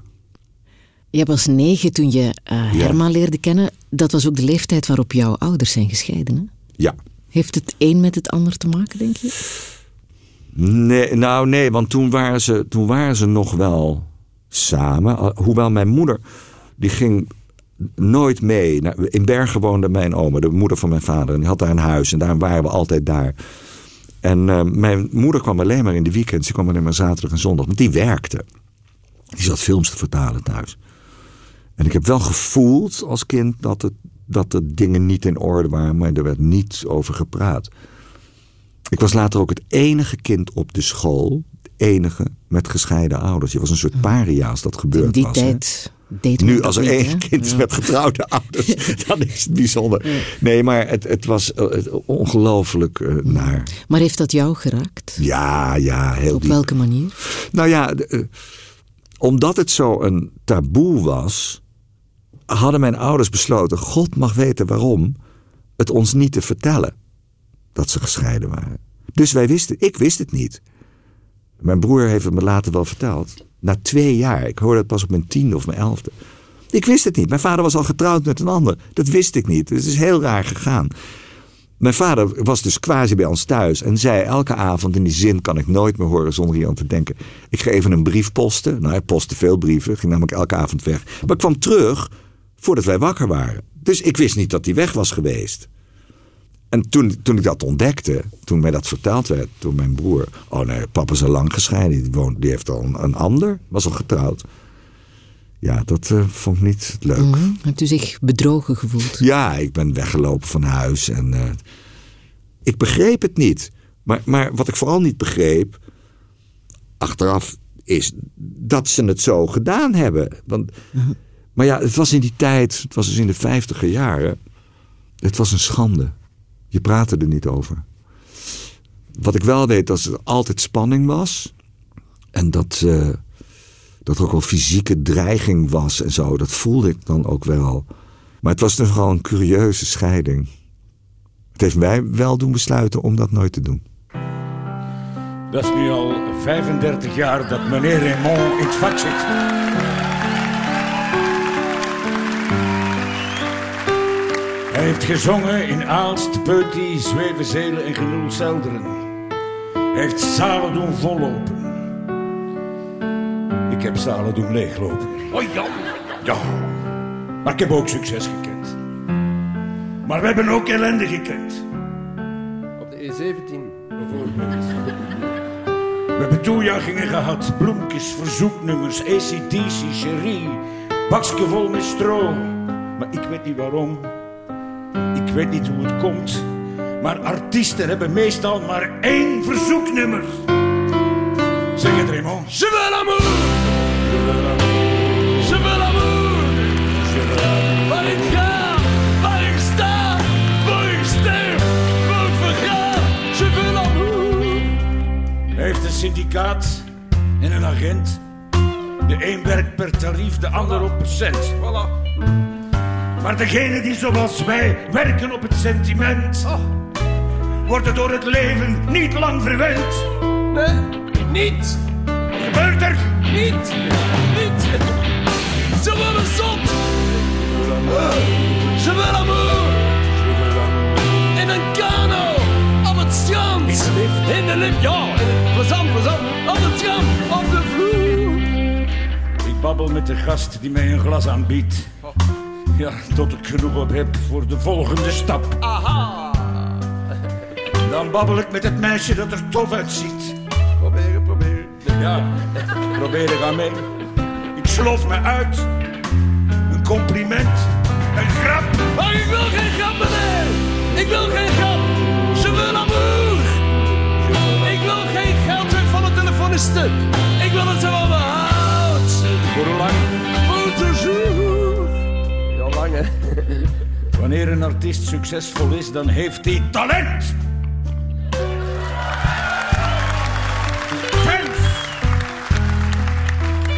Wordt geëerd als een vorst, maar wanneer het minder goed gaat, wat heeft hij dan nog?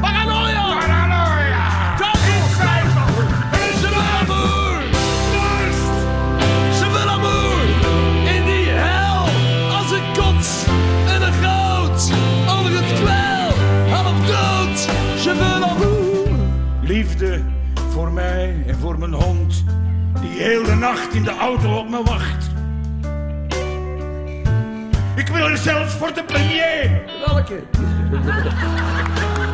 de lelijkste, de jongste. Al heeft hij zijn schoenen niet meer. Nee, Je veux l'amour. Je veux l'amour.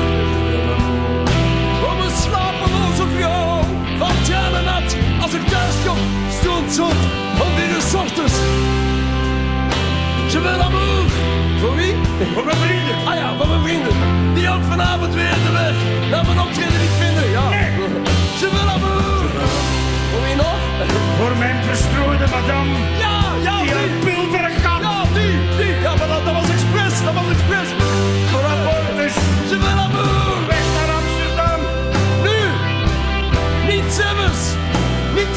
Te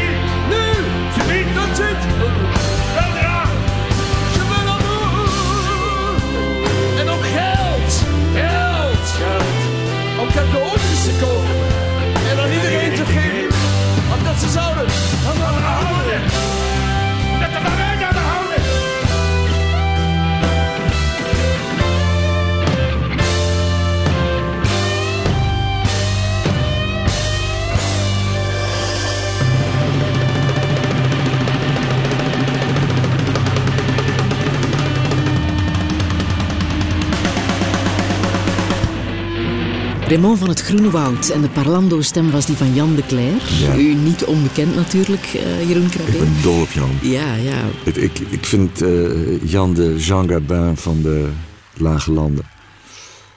En eh, ik vind een waanzinnig goed acteur. En heel leuk iemand. Ah, en schildert ook. Ja, dat en heel mooi. En heel goed, ja. Ja. En, en we hebben, eigenlijk zijn we een beetje dezelfde weg gegaan. Van heel veel spelen en heel veel filmen. En toch het liefste in een atelier zitten en daar zijn. En dat atelier van u hier in Amsterdam is een atelier met eh, geschiedenis, hè? Ja, met een heel dat is van bijzondere geschiedenis. Breitner Ah. geweest. Het is gebouwd in de ehm tachtiger jaar van de 19e eeuw. als atelier is het gebouwd. Voor een andere schilder, niet voor Breitner. Maar Breitner heeft er twee keer in zijn leven uh, langdurig gewoond. En geschilderd. Hij heeft een heel groot raam. Het heeft een raam van 4 bij 5 op het noorden. Het is een waanzinnig mooi atelier. En hoe bijzonder is dat voor u om in zo'n atelier met geschiedenis te komen? Ja, dat was in het begin, vond ik dat uh, heel zwaar en heel drukkend. En ik kon bijna niet beginnen toen ik er net zat. Toen dacht ik, ik, ik kan natuurlijk, wat moet ik hier nou gaan maken, weet je? Maar dat is nu wel weg, want ik heb het sinds 92. Dat is wel weg, maar ik vind wel een eer dat ik in, dat schilder, in, in die schilderstraditie daar zit. Wat weet u over Breitner? Want dat is een bijzonder veel. figuur, hè? Ja, wel veel, want mijn grootvader zat op de academie hier in Amsterdam met Breitner. En ik weet nog dat mijn oma, dus de weduwe van mijn grootvader, dat mijn oma um, het vaak over Sors had. Niet Georges Henri Breitner, Sors. En dat was dus Breitner. Daar ging het over Breitner. En toen mijn vader voor de eerste keer op dat atelier kwam van mij, toen zei hij: Ik weet zeker dat mijn vader hier geweest is. Want mijn vader en Breitner, die gingen heel vaak elkaars werk beoordelen. Hij zegt, dus mijn vader moet hier geweest zijn. Wat ik zo curieus vond, dacht ik, stel nou voor dat dat ook zo is. Dat is Ja. toch wel heel bijzonder. Ja, ja. Hij was ook kritisch voor eh, Van Gogh, hè? Breitner. Ja, vond het niet zo mooi. Als je kijkt naar de- de Nederlandse tijdgenoten van Van Gogh. Hè? Ik heb het niet over de Franse tijdgenoten, maar de Nederlandse tijdgenoten van Van Gogh. Dan kom je al snel bij Breitner, je komt bij Israëls en dat soort, eh, vooral de oude Israëls dan. De Haagse school, waar Van Gogh een grote bewonderaar van was. Dan zie je wat voor tuttigs hier gemaakt werd, vergeleken met die krankzinnige in Arles. Dat was een krankzinnige. Dat zijn schilderijen die je niet kan begrijpen als je dit werk in Nederland. De Haagse school, als, dat was eigenlijk de, de leidende schilderschool. Dat, dat, dat waren de meesters, de grote meesters. En daar kwam natuurlijk dan eh, Isaac Israëls uit voort, die, die dan al heel impressionistisch ging schilderen. Maar als je dan die gek ziet, die zijn oor heeft afgesneden, zou ik maar zeggen. En wat die schilderde, dan begrijp je dat niemand in die tijd, op één of twee mensen na, niemand er iets van begreep. Dat je dacht, ja zeg, hoepel op met die rotzooi. Dat kan je je zo voorstellen. Hoe zou u uw eigen werk omschrijven? rotzooi. nee, nee Ehm, dat is het zeker nou, ik niet. heb, ik heb ehm, het, het heeft te maken met het reizen. Toen ik, ik kwam van de academie, eh, ik ben later pas weer teruggegaan naar de academie. Ik ben er eerst naartoe gegaan toen ik 16 was en toen naar de toneelschool op mijn 17e. Dankzij Beatrix. Toch? Ja, hoe weet je? Oh, dat heb je gelezen misschien ergens. Ja, Ja. ja. nee, ik, Beatrix, die, eh, bij de première van Soldaat van Oranje was dat. En toen het was toen nog prinses Beatrix, was voordat ze koningin werd. En toen stond ik met haar te praten. En toen, ik had dus steeds het idee, ik moet iets anders doen met mijn leven dan alleen maar eh, acteren. Had ik een gesprek met haar en toen zei ik, wat gaat u nou doen als u, want ik wist dat ze beeld houden. Hè? Als u nou koningin bent, wat doet u dan met dat beeld houden? En toen zei ze, daar hou ik voor vrij. Daar hou ik één dag per week voor vrij. De donderdag. En dat heeft ze gedaan. Tot, tot en met de dag van vandaag, denk ik. En toen dacht ik, als je dus zo'n vak gaat uitoefenen. Dat van koningin. Wat nog wel iets zwaarder is dan, dan acteur. En zeer gedisciplineerd moet zijn. En toch zeg je, en dat hou ik vrij. En toen dacht dat heeft mij over de drempel ge- gebracht. Toen dacht ik, oké, dat kan dus alles doen, maar dat moet ik toch doen. Dat moet ik, dat moet ik nastreven en, en volgen. En dat gevoel moet ik, dat moet ik doen. En daarom ben ik naar de academie gegaan, heb me aangemeld. Op mijn 29ste. En toen heb ik dat daar gedaan, de- drie jaar. Terwijl ik speelde, terwijl ik filmde. Het was een onmogelijkheid, maar ik heb het gedaan. En toen ik daar van die academie af was, toen stond ik op een kruispunt. Toen dacht ik, moet ik spelen, moet ik schilderen? Ik wist het niet meer. En toen kwam mijn buitenlandse carrière. Toen vloog ik opeens de hele wereld over. Op de mooiste plekken kwam ik. En toen dacht ik, ik neem mijn schilderspullen mee. Ik laat de schilder meereizen met de acteur. En dus ben ik een soort schilder geworden van, van de wereld, van landschappen over de hele wereld. Want je hebt zo vaak vrij. Het is bij, de James Bond film begonnen. Had ik soms drie dagen vrij. En dan zat ik in het mooiste landschap in Zuid-Marokko. Wat je kan voorstellen. En dan ben ik gaan schilderen en schilderen en schilderen. En dat is mijn eerste tentoonstelling geworden. En toen dacht ik, ik kan het dus combineren. Toen heb ik een koffertje laten maken in Londen. Een mooi koffertje. Waar al mijn schilderspullen in konden. En dat ging uh, altijd mee. En dan had ik doeken mee en een ezel. En dan zeiden ze op die set, wat is, krijgen we nou? En soms had ik nog verf aan, mijn handen. Niet aan mijn kostuum, maar op mijn handen.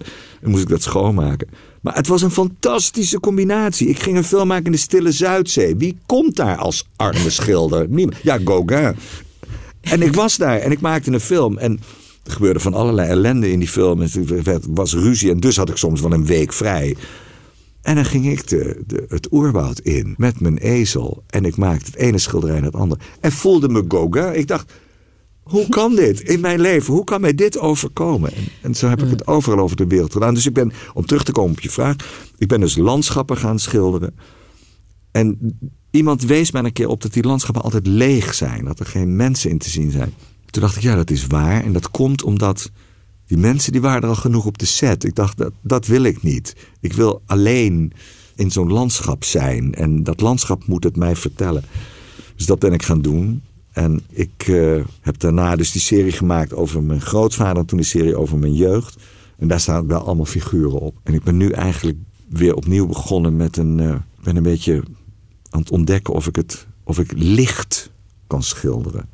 Of ik licht en duisternis en en hoe licht zich verhoudt en kleur. Het, het is een bespottelijke zoektocht. Ja, dan is een uh, raam op het noorden uh, een cadeau, hè? Als het ja, gaat over ja, licht. ja, nee, dat is het toplicht. Ja.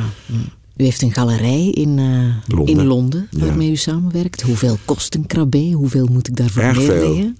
Ja? Ze zijn zo duur dat ik ze niet kan betalen zelf. En daarom schilder ik ze. Maar ze zijn ook altijd uitverkocht. Ja. Nog voor de tentoonstellingen Ja, beginnen. Dat wil iets 30.000 zeggen, pond, 40.000 pond, dat soort bedragen. Dat heb ik niet over voor een schilder. Nee, dat is een grapje. Nee, maar ik, eh, ik, ik, het is goed dat je erover begint. Want ik zou ontzettend graag een galerie in Antwerpen willen hebben. Maar ik weet niet of er- wordt gesolliciteerd. Ja, maar omdat ik, ik vind Antwerpen heeft ontzettend goede galeries.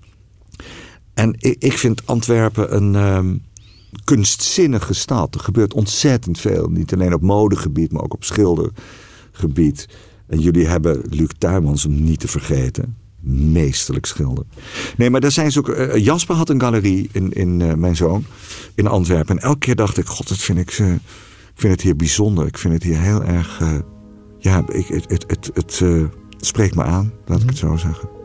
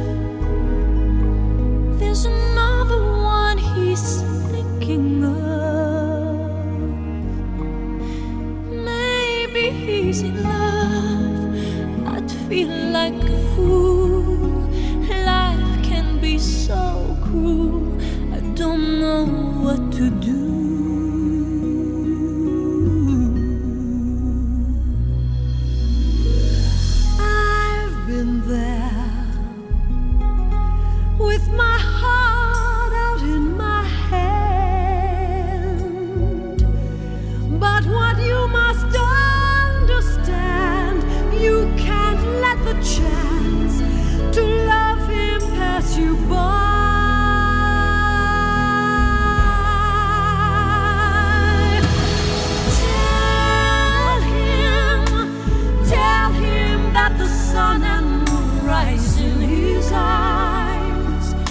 Reach out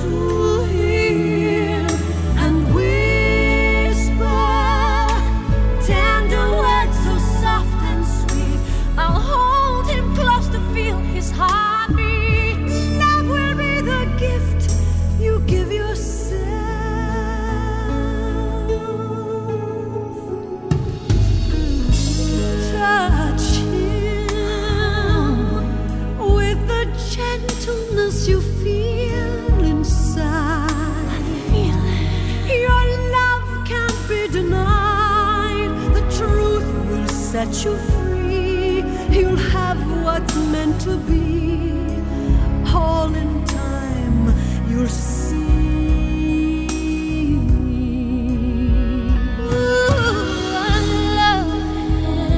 Barbara Streisand en Céline Dion met Tell Him. Jeroen Krabbe, dit moest erin, hè? Ja, nou ja, ik Uw ben... goede vriendin. Nou, ik ben Streisand, dol op die, natuurlijk. nee, maar ik ben dol op die stem van de Streisand. Ik vind het zo ontzettend mooi. Mhm. En, en toen ik die film met haar maakte, speelde ik de, de echtgenoot in. Prince of Tide. Ja, en, en eh, ik dacht dat ik gedisciplineerd was, maar ik ken er nog een. Ja? Dat grenst aan het, aan het ziekelijke, maar, maar dan op de goede manier. Maar ik ben heel dol op de stemmen. We waren aan het draaien in, in eh, South Carolina. En we moesten wachten voor... De, de camera moest de andere kant op, weet ik veel. En er stond een piano. En op een gegeven moment ging ze daarachter zitten. Gewoon voor zichzelf. Ging een beetje spelen. En begon te neurien. En een beetje mm, zo. En iedereen op de set, alle technici, de acteurs, de figuranten, iedereen stopte wat hij deed. Bleef stilstaan en luisterde en luisterde. En ze was het zich niet bewust. Ze zat gewoon een beetje te, te mummelen. Het is magie. Ik kan het niet anders beschrijven dan totale magie. Geweldig. Geweldig. En hoe vaak heeft u nog contact met haar? Veel. Ja? Ja, veel. Toen ze die Tour de Europa maakte en naar Amsterdam kwam... toen heb ik een heel schema voor haar opgesteld... en contact met haar gehad van wat wil je doen en wat wil je zien. En ik had allemaal ideeën. En eh nou, het Rijksmuseum was net open. Maar dat ben ik allemaal gaan regelen... want ze kan niet zomaar op reguliere tijden een museum binnenstappen. Je hebt Ja. geen idee. Je hebt echt geen idee. Dus het is helemaal tot op de minuut allemaal geregeld. We zijn naar het Anne Frankhuis gegaan, naar de Portugese synagoge. Eh, we zijn uit eten gegaan, een boottocht gemaakt. En echt, ik heb ze bewaard. Dat ik dacht, dat wordt op een dag, is dat bijzonder. Ik denk dat ik 85 mails heb gekregen. Alleen maar over de uren, de minuten. Waar gaan we naartoe? Waar is de ingang van het museum? Kunnen we er met een auto? Kunnen we dit? Kunnen we? Toen kreeg ik mails van haar veiligheidsmensen. Toen kreeg ik mails van haar assistenten. Toen kreeg ik enzovoort, enzovoort, enzovoort. En dan had ik alles geregeld. En er had een waanzinnig bezoek. Zat er ook in aan de familie Six aan de Amstel. Dus de enige mensen, de enige die een Rembrandt hebben hangen. Namelijk het portret van Jan Six. Hun voorouders mooiste Rembrandt die er bestaat. Die hebben ze gewoon thuis hangen. Dus ik zei tegen haar, moet je luisteren, dat vind ik wel iets. Dat moeten we gaan bekijken. En kunnen we dan met een boot komen? Ja, kunnen we met een boot komen. Hoe ver moeten we lopen van de steiger? Nou, ik zei, nou, ik denk anderhalve minuut. Oh ja, ja, ja. Kunnen we dat niet met een auto doen? Dat soort vragen. En ik had het allemaal geregeld. En toen kreeg ik opeens een mail. Nee, ik, ik eh, doe dat morgen niet. Ik ben te moe. En eh, ik zei, je bent krankzinnig. Het is het leukste wat ik je kan aanbieden. Rembrandt is daar op bezoek geweest in dat huis. Maar nee, ze deed het niet. Diezelfde middag, dat zou 's morgens zijn, diezelfde middag gingen we naar het Rijksmuseum. Het Rijksmuseum aan, aan het eind van de dag. Dat is helemaal afgesloten. En met een auto stonden we aan de deur. Zo'n zwart busje. En dan als de deur van het busje openging, stond je al in het museum. Want het moest van de veiligheidsmensen. Nou, ze hadden wel gelijk, want er stonden 800 man te gillen en, enzovoort. Toen waren we in het Rijksmuseum. En toen zei iemand tegen haar, hoe vond je het huis van de familie Six? Zei ze, "Wa- de wat? Keek ze aan zei ze, waarom zijn we daar niet geweest? Ik zei, nou moet je ophouden. Ik heb alles geregeld en je wilde niet. Waarom wilde ik niet? Ik zei, nou je hebt me geschreven dat je te moe was. Dat soort dingen. En dat is dan wel, ik moet er wel om lachen. Maar ik kan het niet langer aan dan een paar dagen. Omdat je denkt, zeg, kom on. Er zijn meer mensen op de aarde dan jij. Alles gaat om haar. En dat begrijp ik. En dat vind ik ook wel geestig. En ik vind het ook wel curieus, omdat ik niemand ken die zo doet. Maar kan u dat tegen haar zeggen? Dat ze Ja, dat, soms dat, een dat- beetje capsones ja, heeft? Ja, want we liepen wel. het Amstelhotel uit. En ik zei, geef mij nou maar een arm. Want ze zei, oh god, daar staan ze allemaal weer. Zo In echt honderden mensen. En toen zei ik, wuif nou even naar ze. Ja, nee, het zijn zoveel mensen. Ik zeg, wuif nou even. Ja, maar het zijn er zoveel. Ik zeg, wuif nou even. Oké, ze gaat dus wuiven. Toen zei ik, waarom wuif je niet? Waarom ben je niet gewoon... Ik zei, we houden van je in Amsterdam. Mensen houden van je. Ze willen je zien. Ze willen je handtekening. Ze willen da- dat je naar ze terugwuift. En toen keek ze me aan en zei ze... Ja, nou ja, dat klopt misschien wel. Want hier ben ik drie keer uitverkocht. Ze vertaalde het dus meteen naar zichzelf. Hier ben ik drie keer uitverkocht. En ik vond het wel leuk dat ze zei: Oh ja, nee, nou, oké. Dus onderweg in het busje had ze ook opeens de wuif. En in die rondvaartboot, idem dito. Ik vond dat ze dat, dat, dat ze dat moest doen. Want als je zo'n wereldster bent, moet je ook de mensen een beetje tegemoet komen, vind ik. Jeroen Krabbe, houden ze van u hier in Amsterdam? Uh, ik weet het niet. Ik, ik uh, word niet lastiggevallen door Amsterdammers. Maar het is wel zo dat als ik uh, bijvoorbeeld naar de Bijenkorf ga om iets te kopen. En daar zijn natuurlijk heel veel toeristen. En daar is het heel, dan, dan is het van, oh, mogen we een handtekening en mogen we op de foto. Maar in Amsterdam zelf, nee, niemand kijkt op of om. Maar of ze van me houden, weet ik niet. Want er zijn wel wat mensen die, uh, die het moeilijk hebben hè, met het feit dat u met zoveel namen kan goochelen. Dat, dat is zo, zo Hollywood kent. En... Nee, ja, nou. Voelt u afgunst? Dat, dat is afgunst, want ik, ga er niet prat op. Ik ben iemand die het zo leuk vindt en zo curieus en zo vreemd dat me dit is overkomen. Dat wil ik delen, omdat ik het zo leuk vind. Ik hoor omdat... alleen maar enthousiasme. Nee, maar dus ik maak zulke idiote mensen mee. Je hebt ja. echt geen idee. Je hebt geen idee. Maar hoe komt dat dan? Dat er toch mensen Dat weet ik niet. Zeggen, ja. Nou, dan denken ze dat ik een aansteller ben of dat ik er prat op ga. Ik ga er helemaal niet prat op. Ik vind het gewoon leuk. Want ik ken niemand anders die dit is overkomen. Mm. En ik weet, er zijn ook een heleboel mensen die het wel leuk vinden als ik zo zit te kakelen erover. Maar het, ik, heb, ik doe dat niet uit, uit uh, uh, ijdelheid. Ik doe het niet. Ik doe het omdat het zo raar is wat me overkomt. Mm. Zo raar. Ik, ik werd gevraagd om in Dynasty te spelen. Speelde ik de man van, van John Collins. En ik kom dus in, in die groep mensen van Dynasty. Voor twee uitzendingen was het. En Dynasty bestond al niet meer, maar ze hadden een soort Return of Dynasty. Maakten ze. Daar had ik een grote rol in. En ik ben daar aan het werk. En op een gegeven moment, Joan ging eerder weg dan ik. En ik moest toch wat scènes doen. Toen kwam die, de hele andere uh, uh, groep. Dus die tegen, tegen het karakter van Joan, zou ik maar zeggen, zijn. En die kwamen naartoe. Wat heeft ze over ons gezegd? Wat doen? En toen kreeg ik opeens zat ik in een burenruzie. Van die mensen die al twintig jaar met elkaar gewerkt hadden. Heeft ze iets gezegd? Heeft ze iets gezegd over mijn schoenen? Heeft ze iets... Ik denk, wat, is, wat krijgen we nou? Wat is dit nu? Heeft ze iets gezegd? Heeft ze iets gezegd over mijn nieuwe kapsel? Het was Dynasty in het echt? Het was echt Dynasty, maar ze haatten elkaar. Ze praten niet met elkaar. En ze zagen in die, die Hollandse jongen, dachten ze, nou die kunnen we wel voor ons winnen. maar ik was in het kamp van Joan terechtgekomen, wat ik ook niet wist. Ja, ik speelde haar man. Als dit gebeurt, vind ik dat wel curieus en wel leuk om te vertellen. Omdat niemand dat weet dat dat zo gaat. Maar je moet toch ontzettend veel geleerd hebben over de mens als u in dat soort situaties terechtkomt? Nou, ik heb wel dingen gezien waarvan ik dacht, kan het een beetje minder. Ik hou helemaal niet van method acting. Ik vind het flauwekul. Engelse acteurs, nooit een probleem. Je speelt je rol, je trekt je kleren uit, je hangt ze aan een haakje, je gaat naar huis en je bakt een omelet. Dat is een Engels acteur. Een Amerikaans acteur, die trekt zijn kleren uit, maar blijft dat figuur en kan niet verder. En is, is alleen maar die figuur. Hoepel op. Ik kwam een keer, was op de set en, en ik was heel erg bevriend met, met Richard Gere waarmee ik speel. Maar hij was mijn, ik was zijn tegenstander.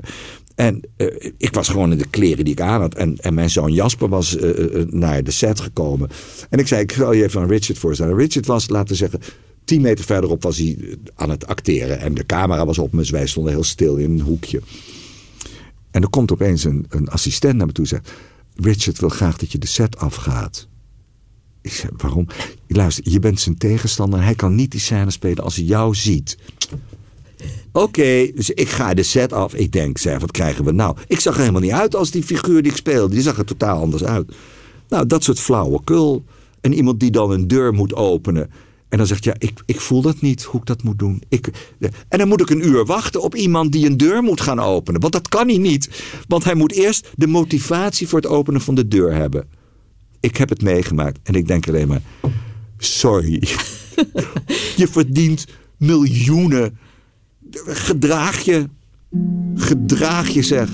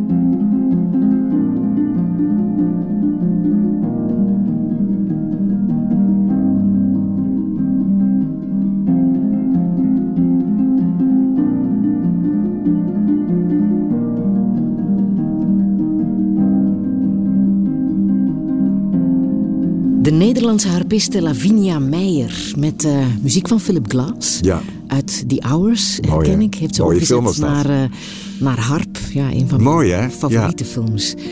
Maar u wou ze absoluut laten horen, hè? Ja, nou ja, ik, ik ken haar. ehm, en ik, ik eh, heb haar een keer ontmoet in een kunstprogramma. En, en eh, vond het fantastisch wat ze maakte. Toen kwam ze met deze cd. En ze vertelde dat ze Philip Glass gevraagd had of ze dat mocht omzetten naar harp. Wat heel moeilijk is. En het is er gelukt. En Philip Glass had haar een mail gestuurd. En zei, het is mooier dan ik ooit gedacht dat dat muziek zou zijn. Het is heel mooi. Het is een meisje, een geadopteerd meisje uit eh, Korea... die in Nederland is eh, opgegroeid. Wat zou u nog willen in het leven? Ik heb eigenlijk het gevoel dat alles nog moet beginnen. Ja? Ja, Aan de vooravond van uw 70ste verjaardag. Ja, ik, ik, ik, eh, ik weet het niet. Ik, ik, niet iets van rusten op mijn lauweren of zo. Helemaal niet. Helemaal tegendeel. Ik ben nu dus, wat ik je zei, ik ben aan het ontdekken wat ik kan, of ik het licht kan vangen, zoals het heet in schilderstermen. Dat is nieuw en, en zo zie ik eigenlijk alles. En zo zie ik ook elke rol of alle aanbiedingen die ik krijg. Vindt u dat u genoeg erkenning heeft gekregen? Ja, ik ben in. En als het niet zo is, dan is het ook goed. Nee, dat, ja, Ja? Ik, dat, ja, ja daar, zit ik niet, daar zit ik niet mee. Een Oscar. Had u dat nog gewild? Tuurlijk, wie wil dat nou niet? Tuurlijk. Kan nog altijd, hè? Ze Dat bellen kan. nog altijd. dus. Ze bellen nog altijd. Ja. Nee, dat kan. Op mijn negentigste lijkt me dat leuk om dat te krijgen. Hoe zou u herdacht willen worden? Als een ehm, lieve vader en een lieve grootvader. En een lieve echtgenoot. Dat is het belangrijkste, de Ja, familieman? dat is het enige wat telt. Tuurlijk. Wat heeft nou een carrière? Wat is het? Heeft het ja, het- het is leuk. En, en ik heb een ongelooflijk leuke carrière gemaakt. En wat er nog komt, weet ik niet. Maar ik hoop dat het hetzelfde is. Ik heb alles gedaan en bereikt wat ik in mijn hoofd had als kind. En dat was veel. En niemand had ooit gedacht, en ik zelf ook niet, dat het zou lukken. Het is allemaal gelukt. En dat, wat ik je zei, zoals is ons gesprek begonnen, maar dat geeft een soort rust. Ehm, maar ik heb wel het gevoel dat er nog heel veel gaat gebeuren. Ik weet absoluut niet wat. Ik weet het niet. Heeft u last van het ouder worden? Mijn knieën doen wel eens pijn. En ik ben wel eens, sta wel eens te puffen. En ik do- doe vaker dan, eh, dan ik eigenlijk zou moeten doen. Smiddags een tukje, omdat ik dat lekker vind om even te gaan liggen. Dus dat is wel ouderdom. Maar iemand zei tegen mij. Nou ja, als je s'morgens opstraat en je voelt niks, dan ben je dood. dat vond ik wel een hele goeie. Bent u daarmee bezig met de dood? Nee. Nou, in zoverre. Nee, het, het, het kan me geen donder schelen.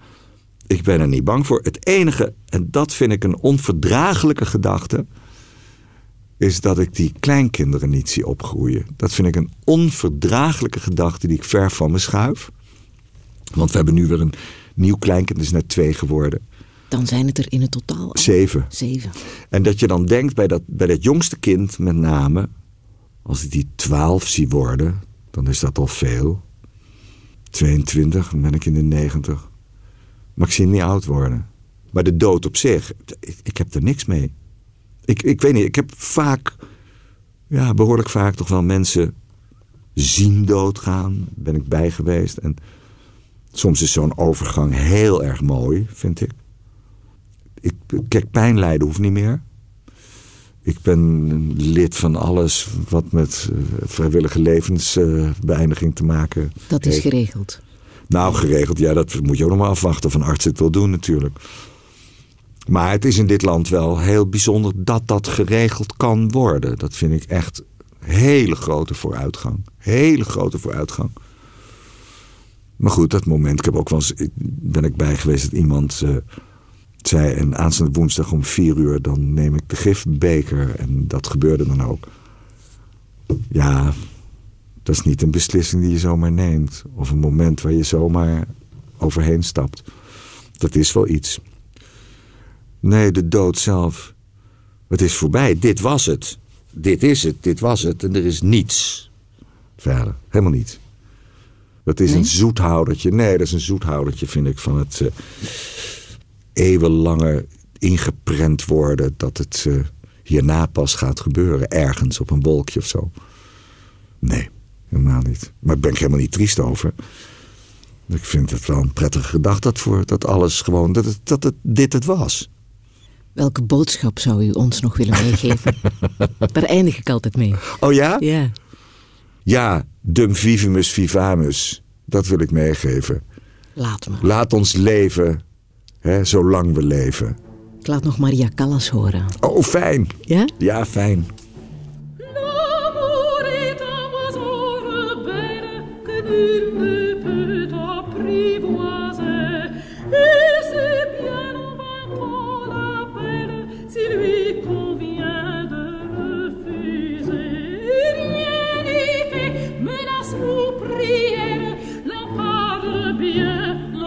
ce c'est l'autre que je